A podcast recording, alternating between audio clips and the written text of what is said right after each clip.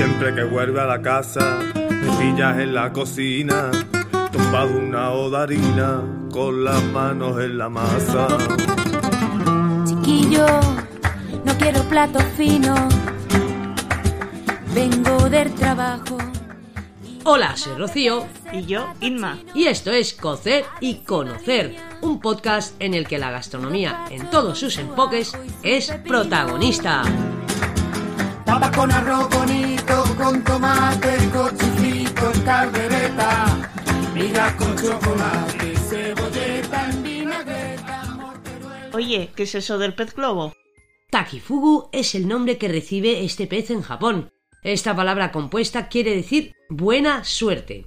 Es de la familia de los Tetraodontidae, que pertenecen a la orden de los Tretaodontiformes. Este pez se puede encontrar en todo el mundo, en agua dulce y salada.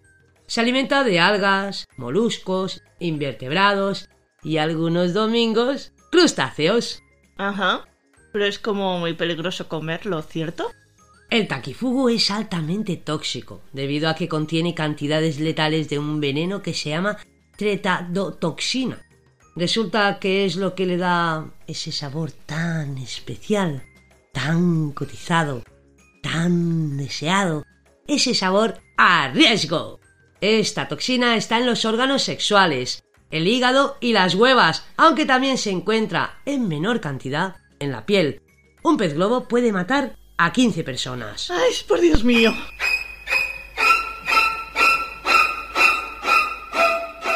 El nombre globo de este pez proviene de la capacidad de hincharse, aunque también se le conoce como pez puercoespín, que no pez espinete. Cuando se siente amenazado, este pez es capaz de absorber tanto aire como para multiplicar varias veces su volumen. Este mecanismo de defensa impedirá que se lo coman normalmente, pero si el depredador tiene la boca muy grande, este será su último bocado. Y no por una indigestión que con un trocito de piña solucionaría, sino que palmaría en un rato. En caso de intoxicación en humanos con este pez no hay ningún antídoto. Lo único que puedes hacer es mantener una constante ayuda a la respiración, pero de poco va a servir. De hecho, el intoxicado siente una parálisis. Después deja de respirar. Mientras tanto, el corazón todavía late. Se necesitan tan solo 8 microgramos por kilo de esta toxina para ser mortal. Algunos se salvan, como Homer Simpson. Pero ya sabes que este tipo es un prodigio de la naturaleza. Lo sé, lo sé. Hay años en que mueren cerca de 200 personas. Este pez, por su forma, tiene un destino más jovial que el de ser consumido por un suicida. Cuando el pez se retira del agua está hinchado. Se va muriendo, pero su forma no. Después lo cuelgan y lo secan al sol. Así consiguen un elemento decorativo y simbólico que es muy valorado y presente en la cultura nipona, que seguramente lo habrás visto en algún dibujo animado. Este pez todavía despierta más particularidades. Cierra los ojos, cosa poco común en las profundidades. Tiene una dentadura que crece constantemente, es por eso que necesita comer cosas duras. De hecho, en las granjas y acuarios les dan, entre otras delicatessen, caracoles. Mucho hace que en Japón se consume este pez y allá se considera el rey. ¿Y por qué tantos elogios para un pez tóxico? Según parece, cuando pruebas este pez sientes una experiencia gastronómica única y deliciosa. Resulta que en la lengua se sienten como cosquillas y un ligero calor. Debe ser el sabor de la muerte, quién sabe. Ha magnificado el papel del cocinero que tiene tu vida entre sus manos. Como tantos cocineros a diario que lo sepamos, pero igual este caso es un poco excepcional. El título de maestro de Fugu requiere entre 3 y 5 años de estudio. Este viaje gastronómico entre la vida y la muerte hace que este pez sea muy cotizado en el mundo. Su preparación es una ceremonia de extrema finura y técnica. Se sirve crudo en sashimi, en el plato se establecen las lonchas de su carne en forma de hojas de crisantemo, simbolizando la muerte. También se consume en ensalada, y aunque su toxina no desaparece en la cocción, también se usa en estofados, frituras, parrilla. Hay partes que están prohibidas, como prohibido le tenían a algún emperador comer este pez. Takifugu eleva al cocinero a un estatus de semidios, que está por encima de la muerte. Casi nada. Un alimento 10 es el arroz. ¿Qué sabemos de él? Ay, el arroz, cuánta tela tenemos sobre él. Mira, en cavernas se han encontrado restos pictóricos con referentes de este cereal desde hace más de 10.000 años. Seguramente los primeros lugares donde se cultivó cercaban el Yangtze, en China. Hay leyendas sobre su origen. Si quieres, te explicaré una que ronda por las calles de la India. Oh, oh, momento pantuflas. Pues resulta que el dios Shiva creó una doncella. Hasta aquí, normal, dentro de las rarezas que caracterizan los actos de los dioses. Bah, nada esotérico. Pero Nova la hace tan bonita, tan deseable, tan a su gusto que va y se enamora. Que sí, que sí. Pero ella... Ella... Ella no estaba tan convencida. Pero si Shiva cumplía tres exigencias, ella se casaría con él. Una de estas exigencias era la de encontrar un alimento que nunca la pudiera aburrir. Entonces, Shiva, que era un tipo con recursos, envió a un emisario a la Tierra con el fin de buscar ese alimento que llevaría a su amada al altar. Pero este emisario se distrajo con los placeres terrenales de faldas. Ni qué ruido de mujeres se escuchaba cuando me llamaste al móvil. Entonces, Shiva, cansado de esperar, quiso casarse a la fuerza con ella. ¡Ole tú! ¡Ole tú! La pobre doncella, como todo hijo de vecino, cayó muerta al saberlo. Entonces la enterraron. Su sepultura era custodiada por un tipo raro, rarito, raro, pero observador. Pasados 40 días, vio cómo brotaba una planta de la tierra, mientras se iluminaba espectacularmente. Desde el cielo, en voz en off, Shiva le dijo En esta planta vive el espíritu de mi amada. Lo que sale de su ombligo se llama arroz. Reparte la semilla entre los hombres porque les procurará alimento. Ahora baja la tierra y sabrás que se cultivan más de 2.000 variedades de este cereal. El 85% de la producción mundial proviene de Asia, con un par de millones de plantaciones. Este cereal se puede cultivar en todo el globo a excepción de lugares demasiado hostiles como pueden ser los polos. Pero crece tanto en latitudes elevadas como subtropicales e incluso selváticas. Este cultivo es muy exigente. De hecho, en Asia se necesitan 400 personas para plantar una hectárea.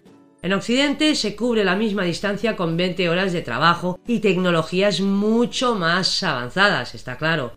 De hecho, ya se cultiva desde el cielo en avioneta. Esta planta vive sumergida en 15 centímetros de baño de agua. Cuando la tierra se drena, arranca el proceso de secado, que según el clima puede durar un mes. Durante este tiempo, los agricultores se retuercen de sufrimiento y estrés, porque es que esta planta, cuando no tiene agua, se vuelve muy vulnerable y un cambio de tiempo puede suponer un desastre de cosecha.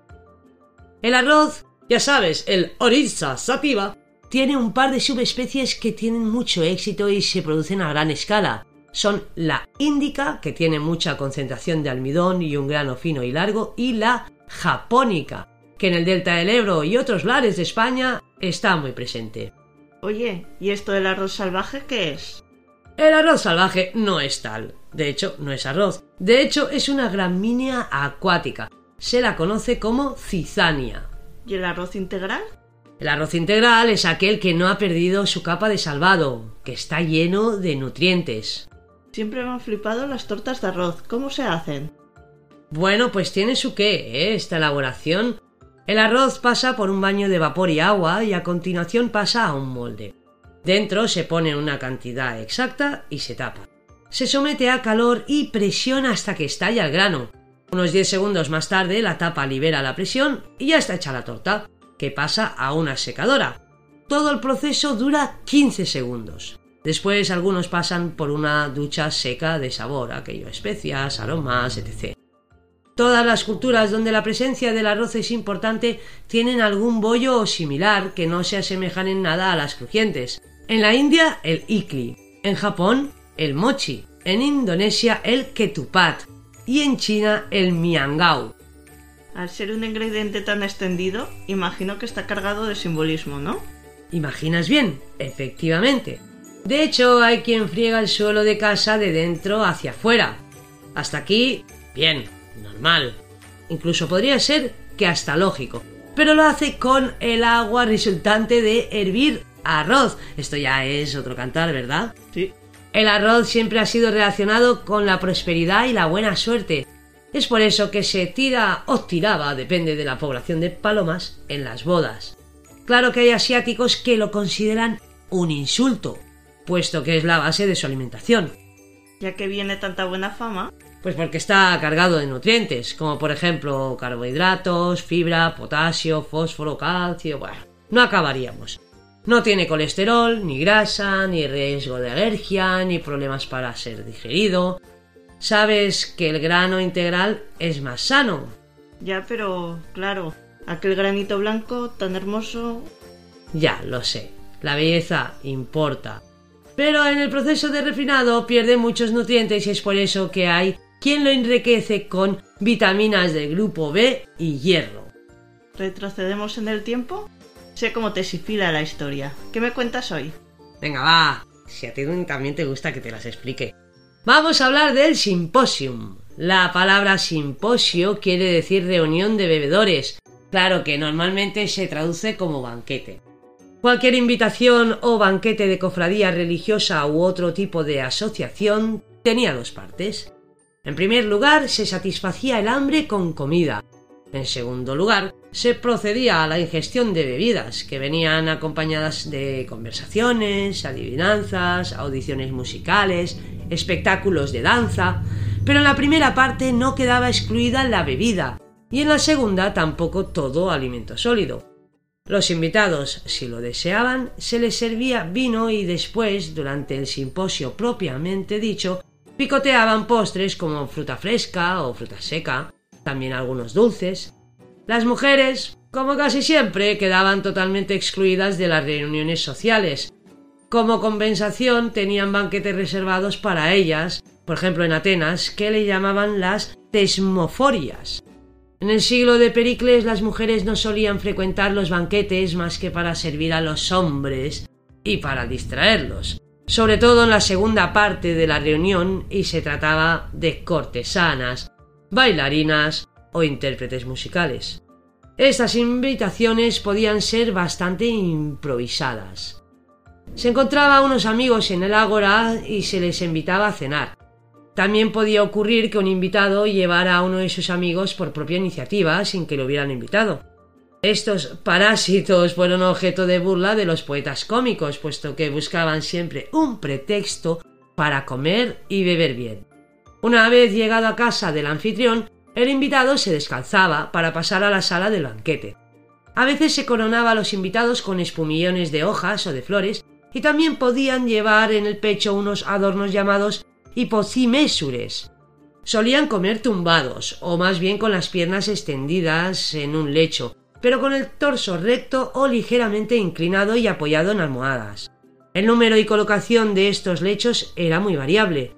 En un mismo lecho podían estar dos e incluso tres invitados. Como en la actualidad existían problemas de prelación y de etiqueta, los lugares de honor eran los más próximos al anfitrión. Las mesas, pequeñas, eran portátiles. Podía haber una por comensal o por lecho. Las había cuadradas, rectangulares o redondas. Los esclavos colocaban en ellas los platos en raciones ya preparados en boles o fuentes. Cuando se instalaban los invitados, los criados les ofrecían el aguamanil y la jarra para que se lavaran las manos. Esta práctica es indispensable puesto que comían con los dedos casi toda la comida. La cena empezaba a menudo con el propoma, que podíamos traducir como aperitivo. Se trataba de una copa de vino aromatizado. No había servilletas, por lo cual se limpiaban con bolitas de miga de pan que después echaban con los huesos y otros desperdicios que se iban comiendo a los perros de la casa. Se empezaba a beber con las libaciones habituales en honor de los dioses, sobre todo de Dioniso, o como ellos le llamaban, la bondad divina que había dado el vino a los hombres. ¡Viva el vino! La libación consistía a beber una pequeña cantidad de vino puro y a rociar algunas gotas invocando el nombre del dios. Dioniso, Dioniso. Después se cantaba un himno a Dioniso. Dioniso. Y después se designaba casi siempre al azar con los dados al rey del banquete, es decir, el simposiarca. Su función principal era fijar las proporciones de la mezcla del agua y vino en la crátera, que era un recipiente, y decidir cuántas copas tenía que vaciar cada invitado. Se acostumbraba a beber por la salud de todos los asistentes. El que desobedecía al rey del banquete tenía que cumplir una especie de castigo. Por ejemplo, bailar desnudo o dar tres vueltas en la habitación portando en brazos a una instrumentalista, concretamente a la tañedora de oboe, la presencia del cual era obligada, y a menudo los banquetes acababan en medio de la embriaguez general, y las pinturas de los vasos muestran a mujeres que sostienen y llevan con dificultad a sus casas a los bebedores en estado lamentable.